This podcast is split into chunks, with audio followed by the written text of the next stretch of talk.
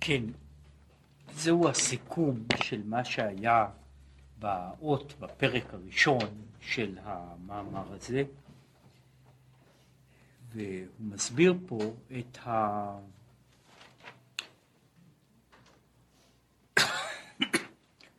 מה שצריך לקשר או להתייחס לדברים שאמורים באופן כללי מאוד בתניא, אבל כאן מבוארים בצורה אחרת, בדרך אחרת.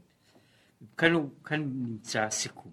כן, הוא אומר ככה, והנה, הגם שבתניא נתבאר שהנשמה נמשכה מבחינת חוכמה, שהוא המדע והוא היודע והוא הדעה עצמה, אה,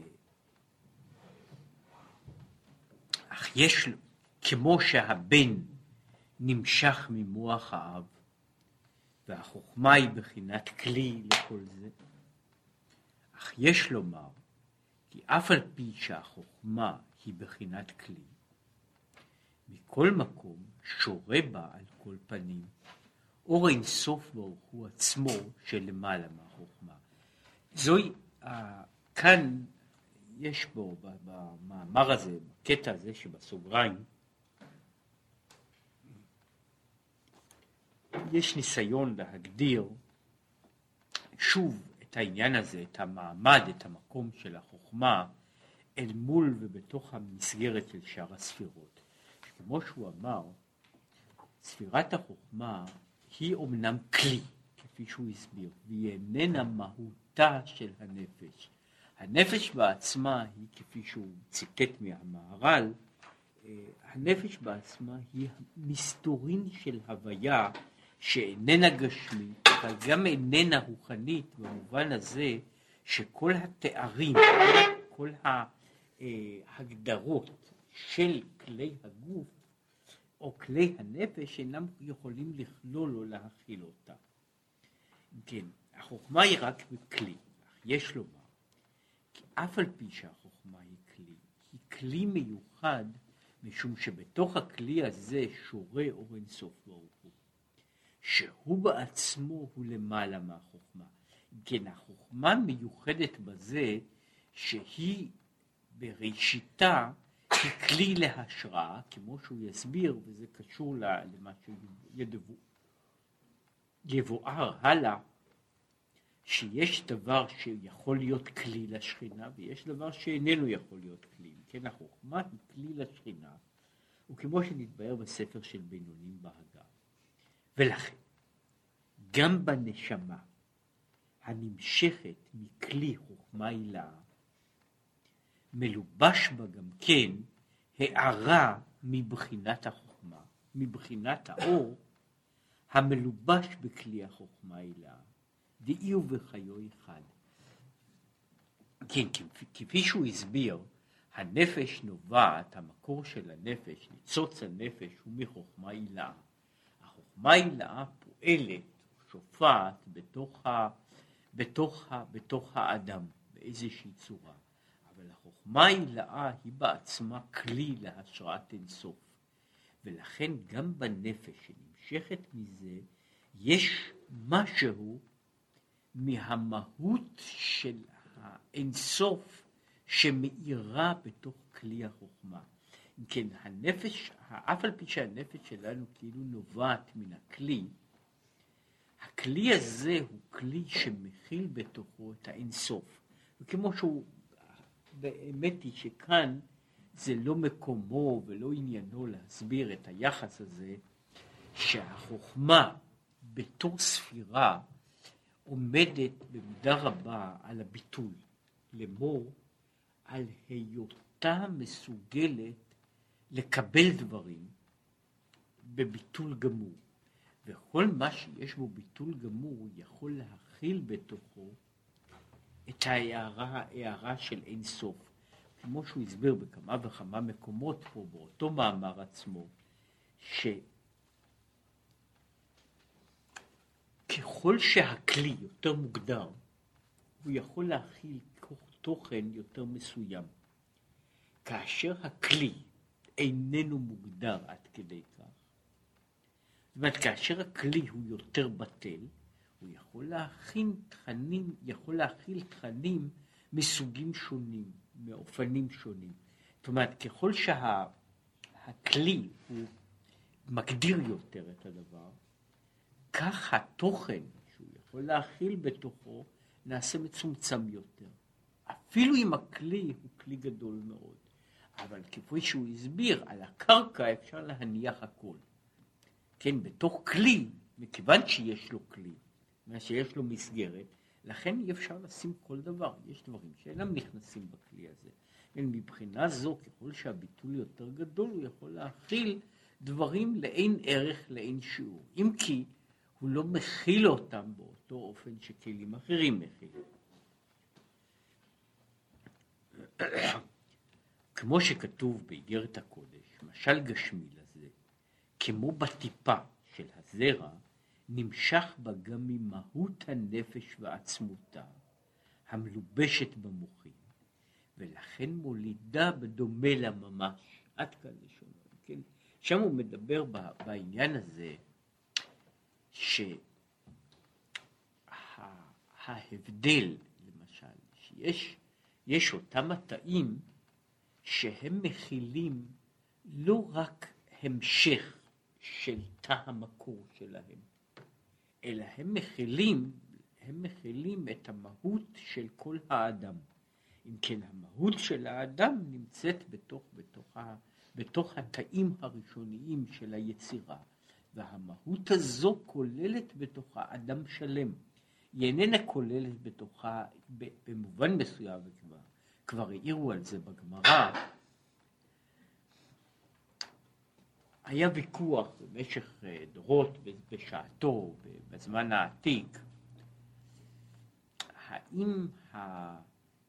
הילד נולד בעצם מן ההורים,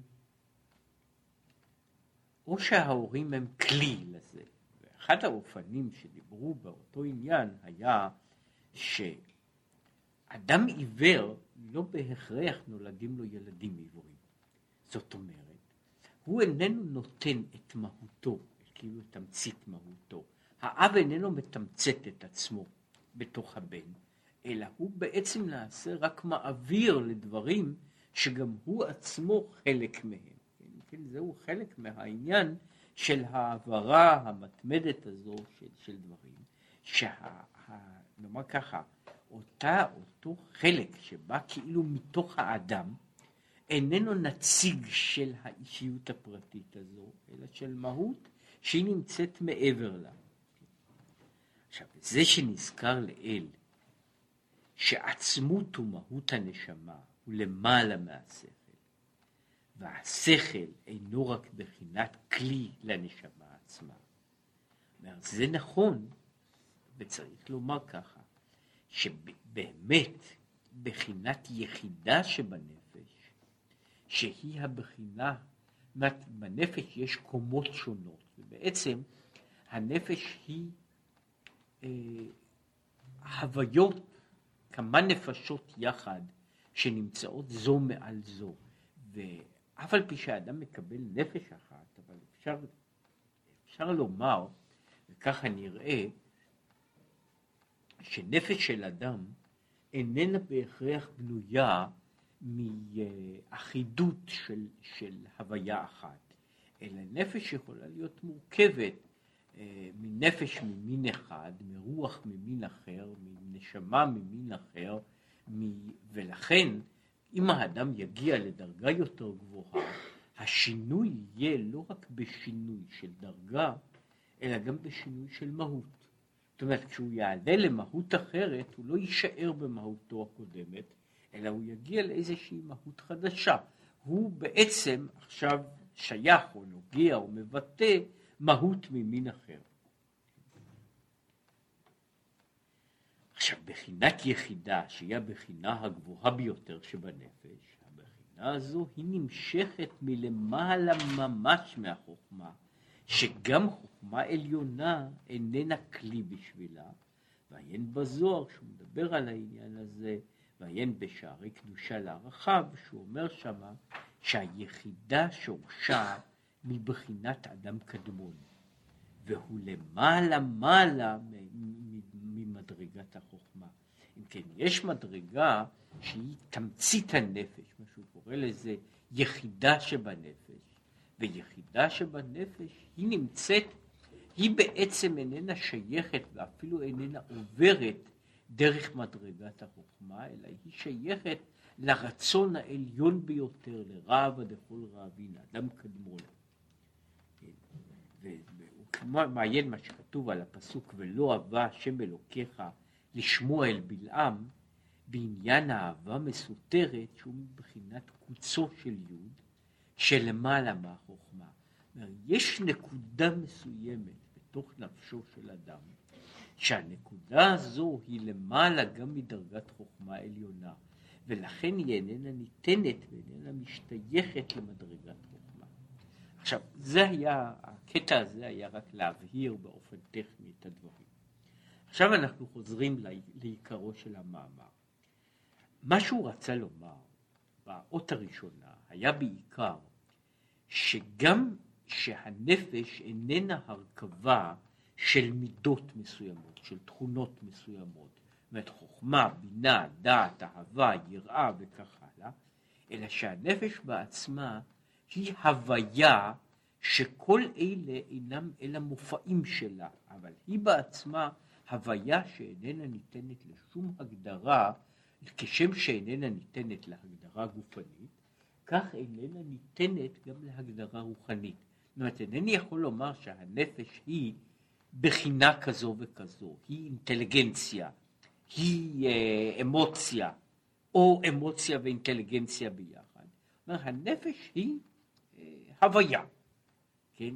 שהאינטליגנציה שלה, החוכמה בינה דעת שלה, המידות שלה, הם צורות, הם מופעים שבהם המהות הזו מופיעה, אבל היא בעצמה היא מעבר למדרגות הללו.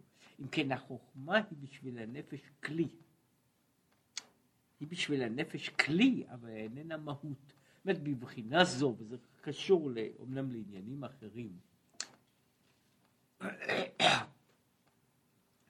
כשיש לו לאדם יד, היד היא כלי בשביל ההוויה, בשביל הרצון שלו.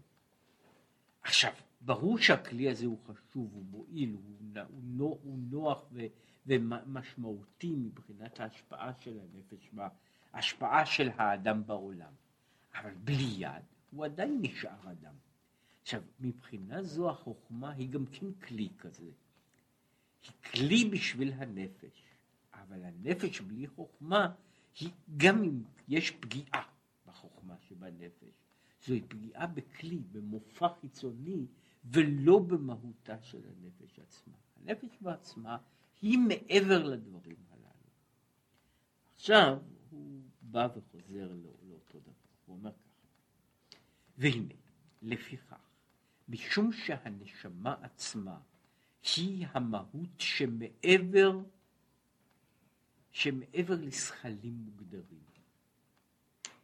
לפיכך, בחינת ומדרגת מסירות נפש, שהוא עניין הביטול במציאות ממש לאינסוף ברוך הוא, העניין הזה של מסירות נפש, למסור את עצמו לקדוש ברוך הוא, להתבטל במציאות ממש, שמסירות נפש ביסודו של דבר, זאת אומרת, יש דרגות במסירות נפש, בלי ספק.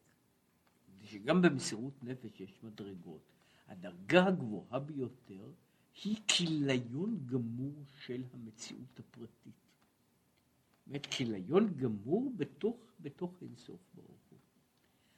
דבר זה, העניין הזה של מסירות נפש בכל מדרגותיו, הוא נמשך דווקא מצד עצמיות הנפש, שמל, שלמעלה מהשכל, שהיא בטלה לעצמיות אינסוף ברוך הוא, שלמעלה מעלה גם כן מהחוכמה, כביטול הנר באבוקה.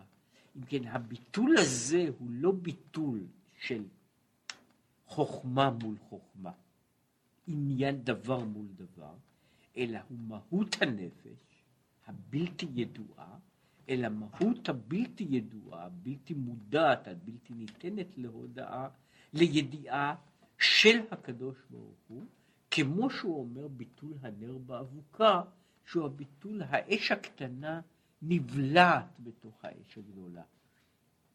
כן, בצד הזה הניצוץ חוזר אל המאור. אם כן, המסירות נפש היא בצד הזה, היא פעולת ה... באופן אחד או בדרגה אחת, זה מסביר שמסירות נפש היא בבחינה זו לא כל כך, מה שהאדם עושה במסירות נפש, או מסירות נפש כמאמץ, כהוויה, היא בעיקר שחרור מן המעצורים.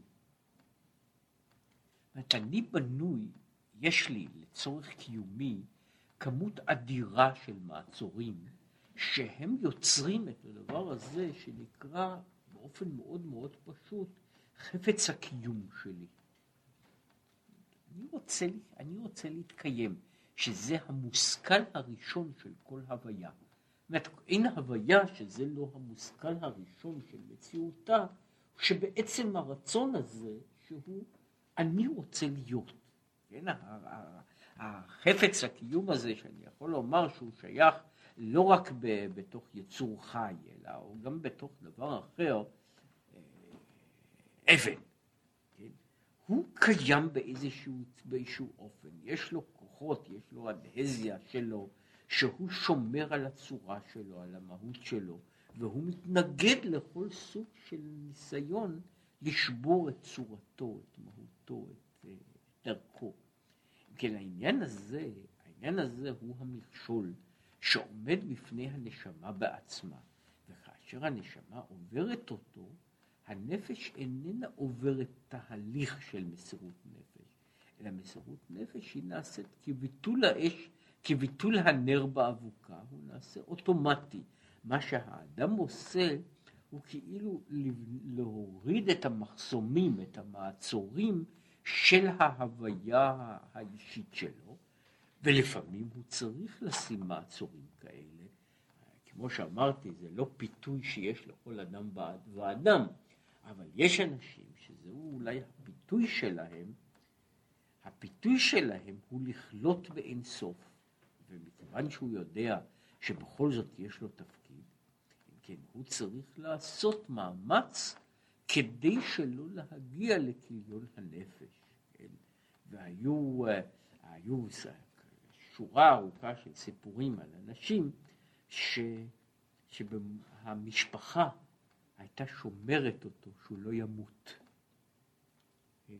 המשפחה הייתה שומרת אותו שאף פעם לא יגיע לאיזושהי דבקות שסופה מוות. כן? והיו מפריעים לו בכל פעם שהיו מרגישים שהוא עובר מעבר לשלב מסוים, היו מפריעים לו, כן? היו, היו מנסים ל, ל, ל, ל, לבלבל אותו באמצע כדי שלא יוכל להגיע, ששם אותם האלמנטים שבתוך האדם, שהם האלמנטים שכרגיל, שהקיום שלי, האני שלי, הוא, הוא uh, כל כך בסיסי, כל כך יסודי, ושום דבר אחר אין עוד בעצם מלבדו, כאן יש דבר אחר, שהקיום הזה, האני נמס אל מול האלוקי, והוא צריך כל הזמן שמירה כדי להישאר בתוך הכלי.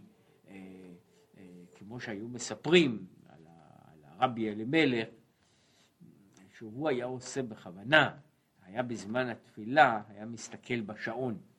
כן, היה מוציא את השעון ומסתכל בו כדי אה, לשבור את, ה, את העניין הזה, כדי לקשור, שוב, להתכנ, להיכנס לתוך עולם שיש בו, שיש בו מציאות, שיש בו זמן, מפני שאחרת המסלול שלו הוא מסלול אחד של, של מסירות. עכשיו, לכן הוא אומר שמסירות נפש היא דבר שנובע מעצמו של עצם הנפש אל עצמות הקדוש ברוך הוא.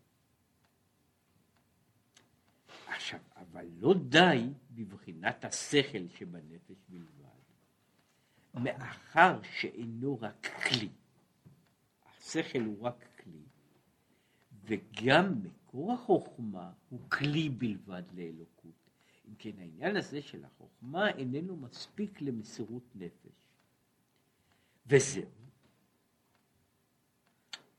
שכשמבקשים מהאדם בכל נפשך ממש, ואהבת את השם אלוקיך בכל לבבך, בכל נפשך, שעל זה מדברים, אפילו נוטל את נפשך, אז אומר, ולא בחינת לבושים ממש, לבושים לבד, מחשבה ודיבור ומעשה.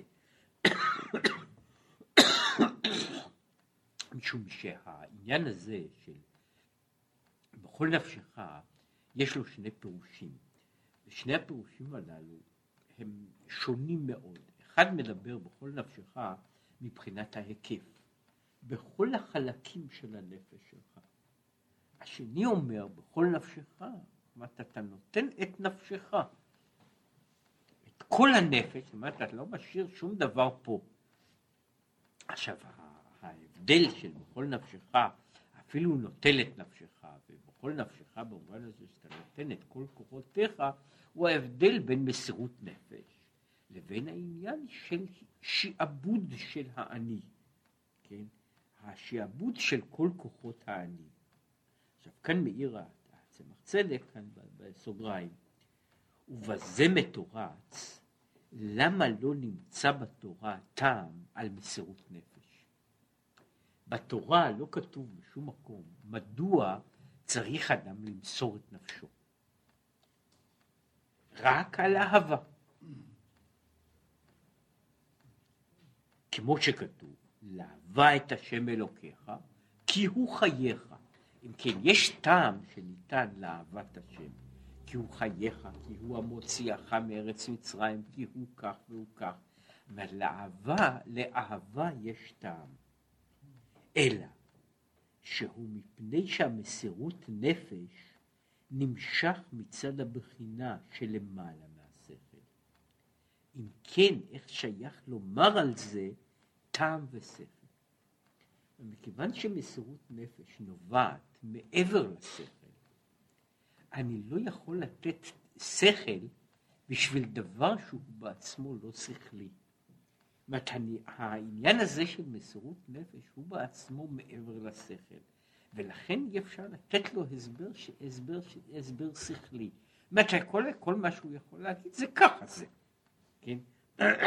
לכן הוא אומר, שאהבת את השם אלוקיך בכל לבבך, בכל נפשך, בכל מאודיך, ולא כתוב למה.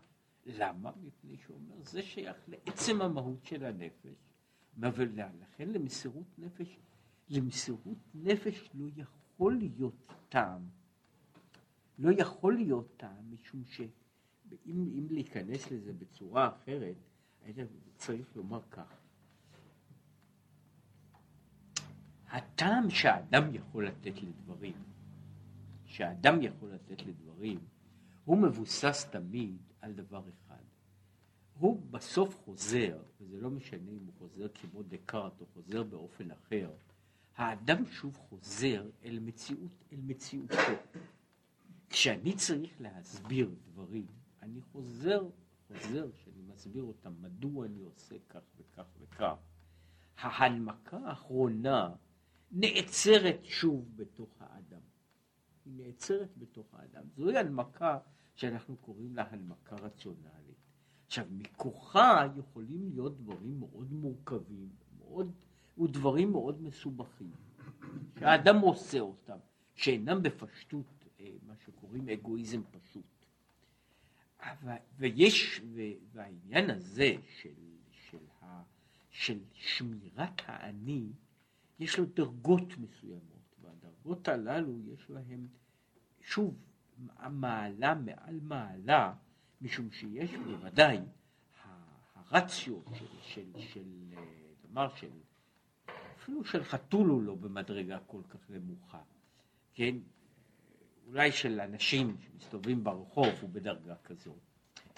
זאת אומרת, אז יש לזה ברור שהאני שלו הוא מוגדר בעצם רק על מה שיש לו בגופו. יש דברים שהאני שלו, זאת אומרת האני שלו איננו רק גופו, אלא הוא כולל גם אלמנטים לא גופניים, לא גופיים בכלל. עכשיו, יש דברים שהאני של, של הוויה הוא בעצם יוצא מן הגדר של הפרטיות שלה, של הפרטיות שלה, והוא מגיע לזה שזה כולל כך וכך יצורים חיים, שהם עושים דברים, עושים דברים, אינני יודע אם הם נותנים לזה רציונליזציה, אבל הם עושים דברים שהם בניגוד למה שהייתי קורא לזה, ליצר הקיום הטבעי, ושבמידה מסוימת נוצר, בא במקום זה דבר שהוא הקיום של המין. יש יצורים שונים שעושים דברים שהם מתים בשביל הקיום של המין. יש יצורים נמוכים וגם די יותר גבוהים. אבל אומר עניין זה של מסירות נפש, למסור את נפשו, מה שהוא קורא לזה, להשתאבה בגופא דמלכא, להתבטל מכל וכול, הוא בעצם יוצא מן הגדר האחרון של הגדרת האני, מפני שהוא מדבר על ביטול גמור של האני. הוא לא מדבר על זה שהנפש זוכה לאושר עדנים בעולם הזה או בעולם אחר, אלא שהנפש בטלה ממציאותה לגמרי. מפני שהנקודה האחרונה של מסירות נפש היא למסור את נפשו, נפשו ממש, לשם. אם כן, למסירות נפש לא יכול להיות טעם, מפני שכל טעם הוא חוזר שוב אל, אל ההנמקה של העניות שלי בצורה זו או אחרת. עכשיו, כאן, מאיך בכל זאת הדברים הללו באים? לא משום שהנפש בטלה להשם לא משום שיש לה סיבה. היא בטלה להשם משום שהיא חלק אלוקה ממעל, והיא בטלה אליו בלי שום סיבה, אלא בגלל הקשר המהותי שלה. כן? ולכן אני לא יכול להסביר, היא לא יכולה להסביר את עצמה. ואין לה שום הסבר לזה, משום שההסבר הזה הוא בעצם, כל הסבר יהיה לא רציונלי. כן? הוא בעצם עומד בניגוד לעצם התפיסה הזו של, של, של כל עניין רציונלי. עכשיו האמת היא שכאן גמרנו את הקטע הראשון של המאמר הזה. והקטע הראשון הזה של המאמר עסק ביחס, מה שהוא קורא לזה, הנפש אל מול החוכמה. והוא למעשה הסביר ככה, הנפש היא מהות בלתי ניתנת להגדרה, שכולנו איכשהו מכירים אותה אבל לא יודעים אותה, ולא יכולים להגדיר אותה. אחד הכלים שלה הוא כלי החוכמה, זהו מופע שלה, זה אופן שבו היא מתגלה בתוך המציאות. כיוצא שיש בעולמות עליונים, יש העניין הזה של הוא, הוא, הוא המדע והוא היודע, שהוא התגלותו שלו בתוך העניין של השכל. עכשיו, מכאן למעשה מן השלב השני הזה, אנחנו מגיעים עכשיו לדון בנקודה אחרת. ועל פי זה יובן גם כן עניין ותלמוד תורה כנגד כולם. העניין הזה של מצוות יש כך וכך מצוות, ותלמוד תורה כנגד כולם. וגם מה שכתוב, ודיברת בם מיד לאחר בכל מאודיך. זאת אחד הדברים שהוא צריך היה להיות המהפתעה, הרי יש משהו כזה, ואהבת את השם אלוקיך בכל לבבך, וזו דרש, דרישה גדולה, בכל נפשך, בכל מאודיך. מה בא אחרי זה? אחרי זה בא ודיברת בם, והיו הדברים האלה, ודיברת בם, בשבתך בביתך אז זהו. זאת אחרי שאדם מגיע ל"ואהבת", שזה הרי המשך, ואהבת בכל לבבך, בכל נפשך, בכל מאודיך, אני אומר, אחרי זה אני מגיע בסך הכל לזה שמה מה הוא צריך, מה הוא עושה אחרי זה, ודיברת בה. היה פעם צדיק אחד שדיבר, הוא אומר ככה, הלשון של התורה, הוא אומר, ככה הוא, זה לא לשונו, זה פרפרזה שלי, התורה מדברת ב understatement. למה? התורה אומרת על לידה, היא אומרת בעצב תלדי בנים. אז אומרת, אז מה שכאב של לידה, בסך הכל נקרא עצב. זה לא נקרא כאב, זה לא נקרא ייסורים, זה נקרא עצב. כן? בעצב תלדי בנים. אז מה, מה זה אומר? זה אומר שהלשון של התורה היא מאוד מאוד מאופקת. כן, ואין שם, הוא לא אומר בייסורים גדולים, בכאבים רבים, אלא בעצם. אז עכשיו מכאן צריך להבין שאם התורה אומרת, ואהבת את השם אלוקיך בכל לבבך ובכל נפשך ובכל מאודיך, לאיזה שיעורי, מהו שיעור הגודל שאנחנו מדברים עליו. זה בשביל לבנות, בשביל לבנות השוואה, מה, מה הסוג של ה... איך לקרוא לזה, מה הסוג ה... ה הדיבור, כן? אז ברור שיש יש מי שמדבר כל הזמן בהפלגות, כן? אז ממילא כשהוא אומר בכל לבבך, זה לא אומר שום דבר, זה לא אומר יותר מאשר, מאשר תרומה של סכום מסוים, כן? אבל כאשר התורה מדברת, היא אומרת בכל לבבך, כן? כאן היא מדברת, מה שאומר בכל מאודיך, הוא אהבה רבה, אהבה רבה בלי גבול. להיבטל ולהיכלל באין סוף ברוך. עכשיו זה נקרא ואהבת את השם אלוקיך בכל מאודיך. אחרי זה, אז אומר, ואיך תתיישב צמאון אהבה רבה זו על ידי ודיברת בה. אחרי זה שהוא מגיע לאהבה רבה כזו, אז הוא אומר, אז מה עושים? ודיברת בה. אומר, מה, איך, איך שני הדברים האלה משתייכים? עכשיו הוא מוסיף עוד דבר נוסף, זה מה שהזכרתי קודם לכן. גם בפירוש בכל נפשך, שהוא מסירות נפש ממש, כמו שהוא הסביר, שבכל נפשך פירושו אפילו נוטל את נפשך. אז הוא אומר, ידוע שבעניין בכל נפשך, יש גם, ידוע די, יש גם כן עוד פירוש, דבכל נפשך. היינו, שלושה לבושי הנפש. זאת כל במובן הזה של הכלליות של, ה, של כל מה שיש מסביב לנפש. כל לבושי הנפש. מחשבה, דיבור ומעשה. לקשרם במחשבה, דיבור ומעשה של הקדוש ברוך הוא על ידי עסק התורה והמצוות.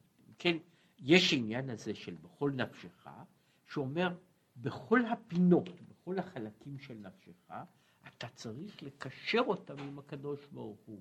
את מחשבתך במחשבתו, דיבורך בדיבורו, מעשיך במעשיו, כן? ועל ידי זה אתה מתקשר איתו. עכשיו השאלה היא, אם כן, איך שני פירושים אלו שבתיבות בכל נפשך שייכים זה לזה?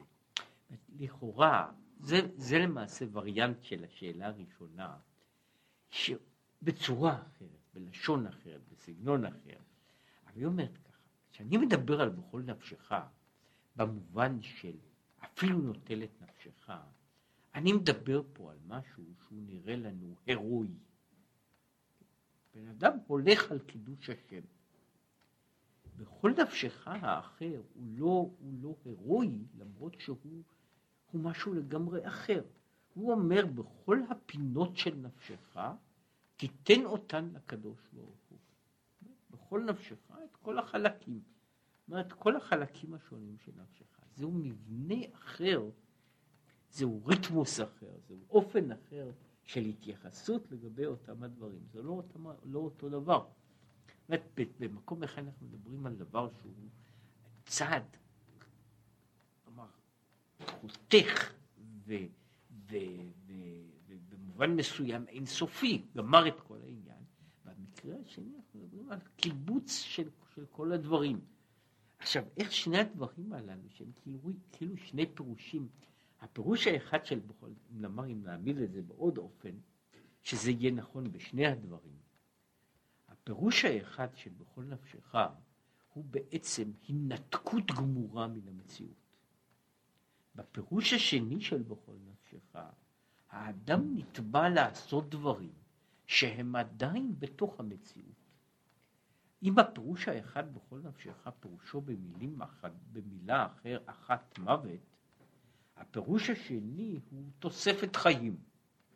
באותה מידה יש העניין הזה של אהבה רבה למסור את נפשו למסור את נפשו בכל מאודיך, עד לעניין הזה של ודיברת בה, כן? שזהו, זאת יש פה כאילו, כאילו משהו דו-כיווני בתוך, בתוך העניין, לכן הוא מדבר איך הפירושים משתלבים אחד עם השני. והעניין. ועכשיו אנחנו מגיעים למשהו הרבה יותר אה, עיקרו של המאמר הזה, שבעצם עוסק בבעיה של המקום, התורה בכל האופנים שלה. והעניין, כי התורה היא חוכמתו יתברך שבאצילות, שבה מלובש אור אינסוף ברוך הוא ממש. כן, התורה היא בעצם החוכמה עילאה, היא החוכמה העליונה, חוכמתו של הקדוש ברוך הוא, שבה מתלבש אור אינסוף. עכשיו הוא פה מאיר, והוא עוד יחזור לזה הלאה, לכן נקראת התורה משל הקדמוני, שהיא בחינת חוכמה עילאה, זהו המשל, שהוא כלי, מה שקוראים משל, לאור אינסוף ברוך הוא, שהוא קדמונו של עולם. אם כן, החוכמה היא, החוכמה האלוקית היא משל הקדמוני, היא המשל למה שהוא קורא קדמונו של עולם. מה שהוא קודם דיבר על אדם קדמון, דיבר על העניין הזה, היא החוכמה היא הביטוי, המשל, הכלי, בשביל השראת המהות העליונה שמעבר לכל אלה. אלא מה? הוא אומר ככה, מהות התורה היא חוכמת האצילות. אבל חוכמת האצילות, כמו כל עולם האצילות, הוא דבר שבשבילנו אין לו משמעות. ועל זה עוד ידובר הרבה בהמשך של המאמר הזה, שהוא יגיע ממש לפרטי פרטים. חוכמת האצילות נתלבשה בחוכמה דבריאה יצירה עשייה. את החוכמה של עולם האצילות היא לא נשארה במדרגת עולם האצילות, אלא הגיעה ומתלבשת בתוך חוכמה של בריאה יצירה עשייה. זאת אומרת, חוכמת האצילות איננה מופיעה בצורה שלה כמות שהיא, אלא היא מופיעה בצורות שיש להן משמעות בתוך המציאות של העולם הזה. כדי להתלבש עד בסופו של דבר בהלכות הערוכות לפנינו. אם כן, התורה, חוכמת האצילות, מתלבשת, עוברת מדרגה לדרגה, עד שהיא הופכת להיות, היא הופכת להיות למציאות בתוך העולם הזה שלנו. אם לקחת דוגמה, והוא אחר כך ידבר על זה הרבה, הרבה אופנים, נניח שאני לוקח נוסחה, לא משנה, אני יכול לקחת נוסחה, נגיד, של תורת הקבוצות. אני לוקח את הנוסחה הזו ואני מנסה להלביש אותה. מה זאת אומרת להלביש אותה? אני מנסה לתת לה תיאור שהוא משמעותי באיזושהי דרגה. הנוסחה בעצמה היא נוסחה שאין לה משמעות בתוך עולם מסוים. עכשיו, אני יכול להוריד אותה לתוך עולם, לתוך עצמים מסוג אחד, לתוך מהויות מסוג אחר. אני יכול בסוף לעשות את זה, אם אני מוצלח בזה, אני יכול לעשות, לתת לדבר כזה, שיכול להיות פורמולה מאוד מסובכת, יכול לתת לה סיפור, חלק של סיפור בתוך, ה, בתוך המציאות של העולם הזה. עכשיו, הסיפור הזה של העולם הזה, הוא בעצם רק כיסוי לדבר אחר. והסיפור הזה הוא שוב כיסוי לעניין אחר. אה, מי שפעם, שוב אמרתי, בשביל אחדים זה זיכרון מכאיב, מי שזוכר שהוא פתר שאלות למשל באלגברה, שאלה באלגברה, מה היא בעצם, מה המהות שלה? אני לוקח נוסחה. ואני מנסה להוריד אותה לתוך מציאות, כן? וזה לא משנה אם אני אשאל שאלה על תפוחים, על אגסים, על אנשים, על טיולים, על כל מה שאעשה, אני מנסה לקחת למעשה נוסחה ולהוריד אותה לתוך, לתוך המציאות של, של העולם הזה. אגב, וזה חשוב למה שקורה הלאה בתוך הלימוד,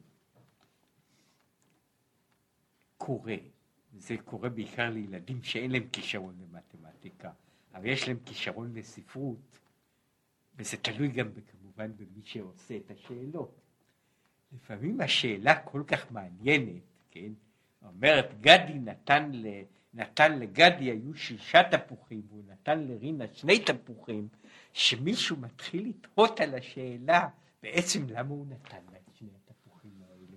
הנה עכשיו המורה למתמטיקה, אין עניינו כלל בנוס, בשאלה הזו. המורה למתמטיקה מעוניין לדעת, הוא צריך שאני אגיע לנוסח של שש כפול פחות שתיים, זה מה, מה שהוא צריך, כן? הוא איננו מעוניין לדעת, לא, לא מה שעכשיו קורה, וזה קורה, יכול לקרות, או מתוך תחום גדול, או מתוך אה, חוסר זהו, שאני אשב ואשאל, נו ואיזה כובע לבש גדי? כן, עכשיו דבר כזה משגע את המורה למתמטיקה, שלא לא לזה הוא מתכוון, כן? מפני שבעצם הוא לא מתכוון לסיפור. הוא לא מתכוון לסיפור, הוא מתכוון ל... הוא אומר, בסופו של דבר זה אחד הדברים ש, שזה, ש, שמורה כזה צריך לעשות, בעצמי עשיתי את זה ולא יותר מאשר פעם אחת, זה למעשה להגיד למישהו, עכשיו תשכח את כל הסיפור. הסיפור הוא רק מה שקוראים לזה מסגרת, כן? אתה תחלץ מפה רק מה שיש פה מספרים. זה מה שאתה צריך לעשות. כל השאר זה רק ליופי כדי שאתה תבין על מה מדובר. עכשיו, מה שהוא אומר פה זה בעצם, והוא אחר כך זה חלק גדול מכל המאמר, שהוא אומר שהתורה שניתנת לנו, הן בסיפוריה, הן בסיפוריה, והן במצוותיה, היא סוג כזה של סיפור, שעשוי עבור השכל שלנו, כן? שאנחנו נתייחס לעניין הזה, כן? אבל אומר, זה מה שהוא קורא לזה התלבשות. אומרת, אני מחזיק, אני בעצם, כשאני צריך לבנות, כשאני צריך לבנות איזושהי שאלה, כן? שזה מה שהוא קורא לזה, ב, ב, ב, להבדיל כמה אלפים הבדלות, זהו הנושא של, של, של, של מה שעושה הקדוש ברוך הוא בנתינת התורה. יש לי שאלה. עכשיו, אני צריך למשל אה, אה, להסביר, נאמר, הבעיה שלי היא עכשיו לדון במספרים שליליים, כן? עכשיו, אני צריך להמציא איזשהו סיפור, שבו הדבר הזה יגיע לידי, לידי מציאות. עכשיו, אני ממציא לזה עטיפה, שהיא שייכת למציאות מסוימת. כן? היא שייכת למציאות מסוימת. וכמו שהוא יסביר הלאה, היא גם מטשטשת אומרת שהיא במובן מסוים מטשטשת את, ה, את, ה, את הכוונה הפנימית, מפני שהכוונה הפנימית היא דבר לגמרי אחר. אגב, יש דברים דומים לאלה, אה, יש, אה, יש דברים שעושים אותם משפטים, כל מיני סילוגיזמים של אה, לוגיקה, שלומדים לוגיקה. שם יש לנו דבר שהוא לא לגמרי מתמטי, הוא יכול לקבל צורה כזו, אבל יש צורות של, של לוגיקה. ובונים משפטים, כן? בונים משפטים כדי, כדי להמחיש בעיות, צורות נכנסות, צורות יוצאות, וכל מיני, כל מיני מעגלים, דמיונות, השוואות, חוסר דמיון, חוסר השוואה, חוסר, זאת אומרת, אי התאמה, סתירה לוגית, לא סתירה לוגית. עכשיו אני מספר סיפור, ואם האיש שעושה את זה מספר סיפור יפה, כן, הסיפור נעשה לפעמים כל כך מעניין, שאני לא שם לב שבעצם אני צריך לפתור פה תרגיל, כן? אני צריך לפתור פה תרגיל, והתרגיל צריך להיות, למשל, להוכיח אם משפט מסוים או סיפור מסוים הוא סיפור הגיוני או בלתי הגיוני, ואני צריך לעשות ניתוח של, של העניין בתוכו. עכשיו, זה העניין הזה של התלבשות של מדרגה אחת ומדרגה אחרת. זאת אומרת, אני לוקח דבר שהוא בעצם מופשט. אלא שלדבר המופשט הזה אין אחיזה, או יש מעט מאוד אחיזה בעולם אחר, ואני נותן לו ציור. אני נותן לו ציור. עכשיו, כדי להסביר הלאה את העניין, ככל שאני צריך לצייר את הדבר הזה, נאמר למישהו קטן יותר, צעיר יותר, אני אצטרך לעשות לצי... לתיאור הזה, לתת לציור הזה יותר, יותר פרטים. יותר, אני אצטרך לעשות אותו כזה שהוא יהיה בעל משמעות ובעל, ויראה מובן למי שעושה אותו, כן? וזה העניין הזה של השתלשלות החוכמה ממדרגה למדרגה. ככל כל מי שצריך לעסוק באיזשהו נושא מופשט, ו- וצריך ללמד, מישהו פעם קורא לו, זה חלק מהצרכים של, ה- של העניין, יש רעיון מופשט, ואני צריך לה- להסביר אותו, אה, אם, אם אני נזקק לזה, להסביר אותו לא בדרגה אחת, אלא להסביר אותו בשתי דרגות.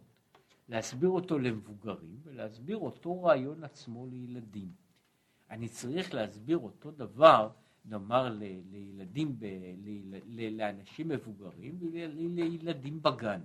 עכשיו, במקרה הזה, איך לעבור, איזה סיפור אני מספר לכל אחד מהם, הוא בוודאי לא אותו סיפור, משום שהסיפור הזה, שהוא יהיה משמעותי לאנשים מבוגרים, אותו דימוי שיהיה משמעותי לאנשים מבוגרים, אין לו שום משמעות לגבי הילדים הקטנים, ולכן אני צריך לעשות פה את השינוי. זה מה שאומר שהחוכמה היא לעד האצילות. ירדה ונתלבשה בחוכמה דבריאה יצירה עשייה, כדי להגיע לבסוף, לבנות את התורה הנגלית לנו. עכשיו, כל הסיפור הזה שסיפרתי הוא מאוד משמעותי לגבי הבנת כל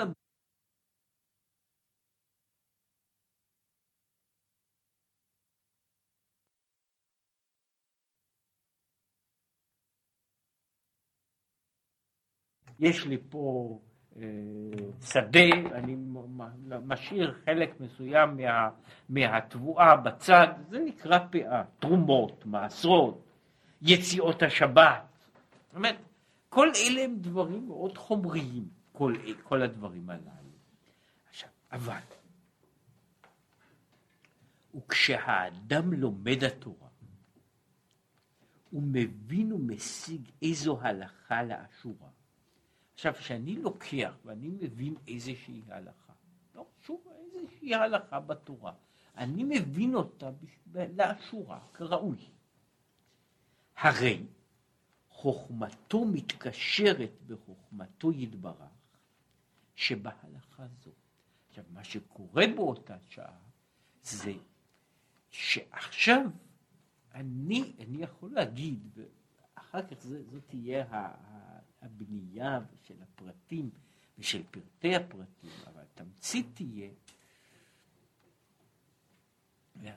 כאשר קדוש ברוך הוא מסביר את עצמו על ידי הלכה, ואני מבין לפחות את ההלכה הזו, אז עכשיו, ברגע הזה, אני מבין את הקדוש ברוך הוא בנקודה הזו. בנקודה הזו.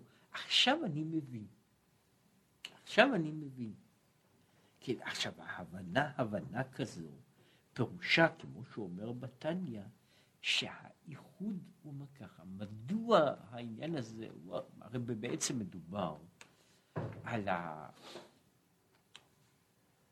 זה, זה אחד הדברים ש, שהוא לכאורה, וזה חשוב מאוד מבחינת ההבנה של, לא רק של התניא, אלא גם של עולם שלם בתוך, בתוך העולם היהודי.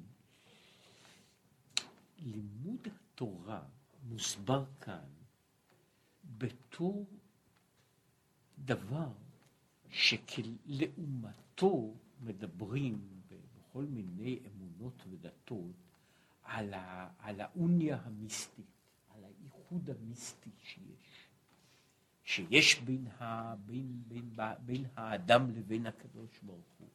הוא אומר שזה שאדם יושב ולומד תורה, כשהוא יושב ולומד תורה, ופה הוא מדבר על זה, עכשיו הוא יושב ולומד תורה, בסופו של דבר הוא עוסק עכשיו, למשל, בדיני, אה, בדיני קינים, יש מסכת שנקראת מסכת קינים, בקוף, כן, בקוף, כן, אז מהי מסכת קינים? אה, נאמר, מביאים, אישה מביאה, בדרך כלל זה היה קורבן של נשים, זה היה קשור, ב, זה היה חלק מקורבן לידה של נשים עניות, היו מביאות שני ציפורים, זאת אומרת שני, שני, אה, שני, שני, שני תורים לקורבן. אחרי, אחרי הלידה. אחד הוא חטאת, אחד הוא עולם. עכשיו, זה סיפור פשוט. עכשיו, מה שיכול לקרות הוא שלפעמים, מכיוון שהציפורים הללו לא יודעות שהן קורבן, יכול להיות שציפור כזו, התור הזה, בורח לו. ואז הוא מכניס את השאלה, אני צריך להביא תור חדש ולצרף אותו בתור בן זוג לראשון. עכשיו, קורה גם שיש אני, שתי נשים מביאות, כל אחת מביאה את, את הסל הזה שלה עם שני ציפורים, ואיזה ציפור, התור הזה החליט לעבור לסל השני, ולהפך. עכשיו, וכך הלאה והלאה יכולים להיות סיבוכים. ויש מסכת אחת שעוסקת רק בפרמוטציות. בעניין הזה, היא עוסקת בשאלה מה קורה כשהוא בורח מכאן הוא הולך לכאן, בורח מכאן הולך לכאן. עכשיו הדברים האלה, כן, הם, הם אולי משעשעים, הם גם קצת מתמטיקה בצד מסוים, כן? באמת מתמטיקה של, של חילופים, של פרמוטציות, של, של דברים. מה יכול להיות? חטאת עולה, כן חטאת, לא עולה, עולה מפורשת, לא עולה מפורשת. אה, אישה אחת, שתי נשים, חמש נשים, שבע נשים. כן, שבסוף יכול להיות שבגלל פה אחד שעף, אחד גוזל, תור אחד או גוזל אחד שנעלם, צריך להביא כדי להשלים, כדי לצאת מכל הספקות, צריך להביא שניים, שלושה, ארבעה, חמישה, וכך הלאה במקום זה. עכשיו, כל זה, זה מסכת קינים. עכשיו, אני, אני, אני יושב ולומד מסכת כזאת. מה שרציתי לומר, שהמסכת הזאת, שאני עוסק במסכת שלפחות עוסקת בעניינים גדולים, כן, אבל המסכת הזו עוסקת במה שקורה, כלומר, באו, באו כמה אנשים לבית המקדש, והציפורים שם לא ישבו בשקט. זאת אומרת, אם הייתי קושר להם את הרגליים יפה, ומסמן כל אחד בפתק, המסכת לא הייתה נוצרת, אלא אני לא קשרתי יפה את הרגליים, ואני לא, ואני לא רשמתי פתק מה כל אחד, ואז אני נכנס לבעיות, שאם היה פתק צמוד לצוואר של כל אחד, הבעיה לא הייתה נוצרת, כן? עכשיו, אז יש שם בעיות כאלה, מסכת שלמה בסדר, בסדר קודשים. עכשיו, הוא אומר שהעיסוק בדבר הזה, העיסוק בדבר הזה, הוא מקביל למה שקוראים איחוד מיסטי. והוא מסביר פה את העניין הזה, הוא אומר ככה, כאשר אדם מבין את ההלכה הזו לאשורה, מבין אותה לאשורה על בוריה, אז הוא מאוחד, מה שהוא מסביר את זה, כמו שם הוא אומר, שחוכמתו מתקשרת עם החוכמה של ההלכה, והם נעשים לדבר אחד. ברגע הזה אין איחוד יותר קרוב מאשר האיחוד של האדם עם המושא של המחשבה שלו. הוא מדבר על זה לא רק, לא דווקא מושא של של חוויה, אלא בעיקר מושא של מחשבה, שאני עכשיו חושב את המחשבה הזו, ואז אי אפשר לדעת מה חושבת מה. אומרת, איפה נמצא, איפה נמצא האובייקט ואיפה נמצא הסובייקט במקרה הזה. זה מה שהוא מדבר על העניין, על האיחוד הגמור שנוצר ברגע שאני חושב על משהו, שהוא איחוד הרבה יותר עמוק מאשר הייחוד שיכול להיות בכל איחוד למשל גופני. מפני שבייחוד הזה יש שני הדברים הם עדיין נבדלים.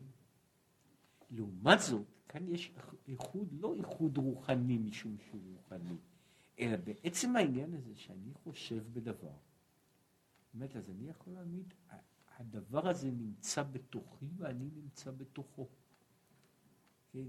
היה פעם אה, מישהו שהסביר מין איחוד כזה, אה, דווקא בין, בין למעשה, בין דורו, אולי קצת מבוגר מבעל התניא, שהסביר את האיחוד הזה, שהוא אומר שם שאין דוגמתו בעולם, הוא הסביר את זה, הוא אומרת, זה כמו איחוד של שתי טיפות מים,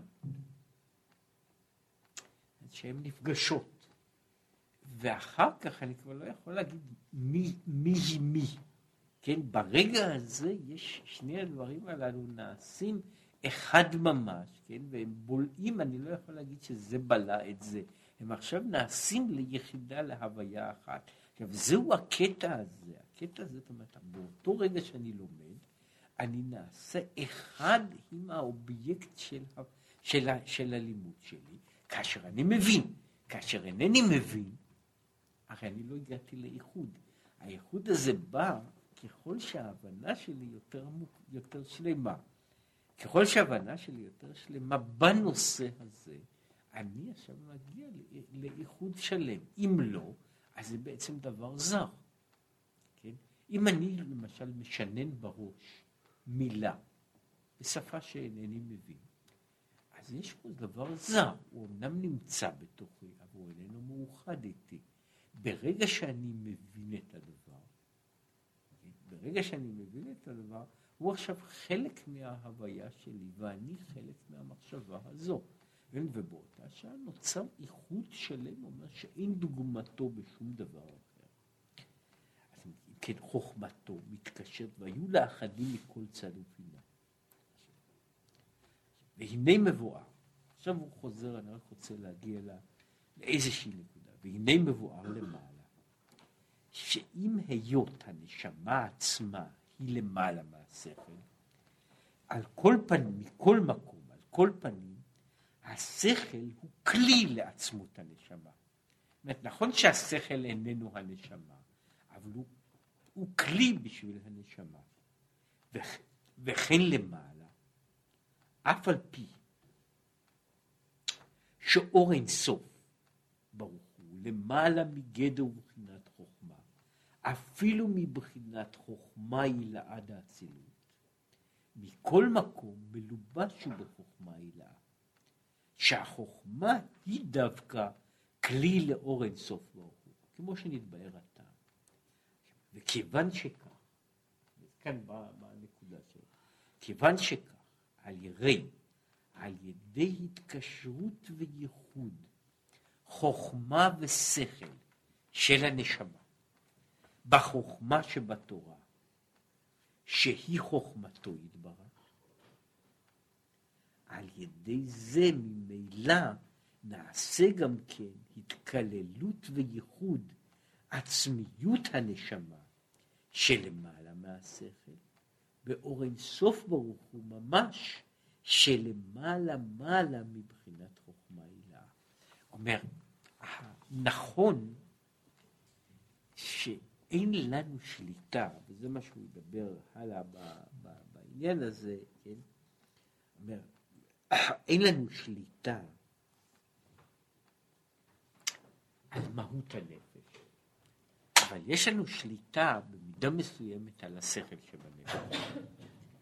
את השליטה הזו על השכל, כאשר השכל שלי מאוחד עם השכל של הקדוש ברוך והם נעשים לאחד ממש, באותה שעה הוא אומר, נוצר, ברגע הזה נוצר איחוד שהוא, זאת אומרת, זה, זה כמו שיש, ב, שוב, ב, להבדיל, אומרת, שני דברים לא רק נוגעים זה בזה, משיקים זה לזה, אלא שני דברים, נאמר, אני לוקח שני חומרים שונים?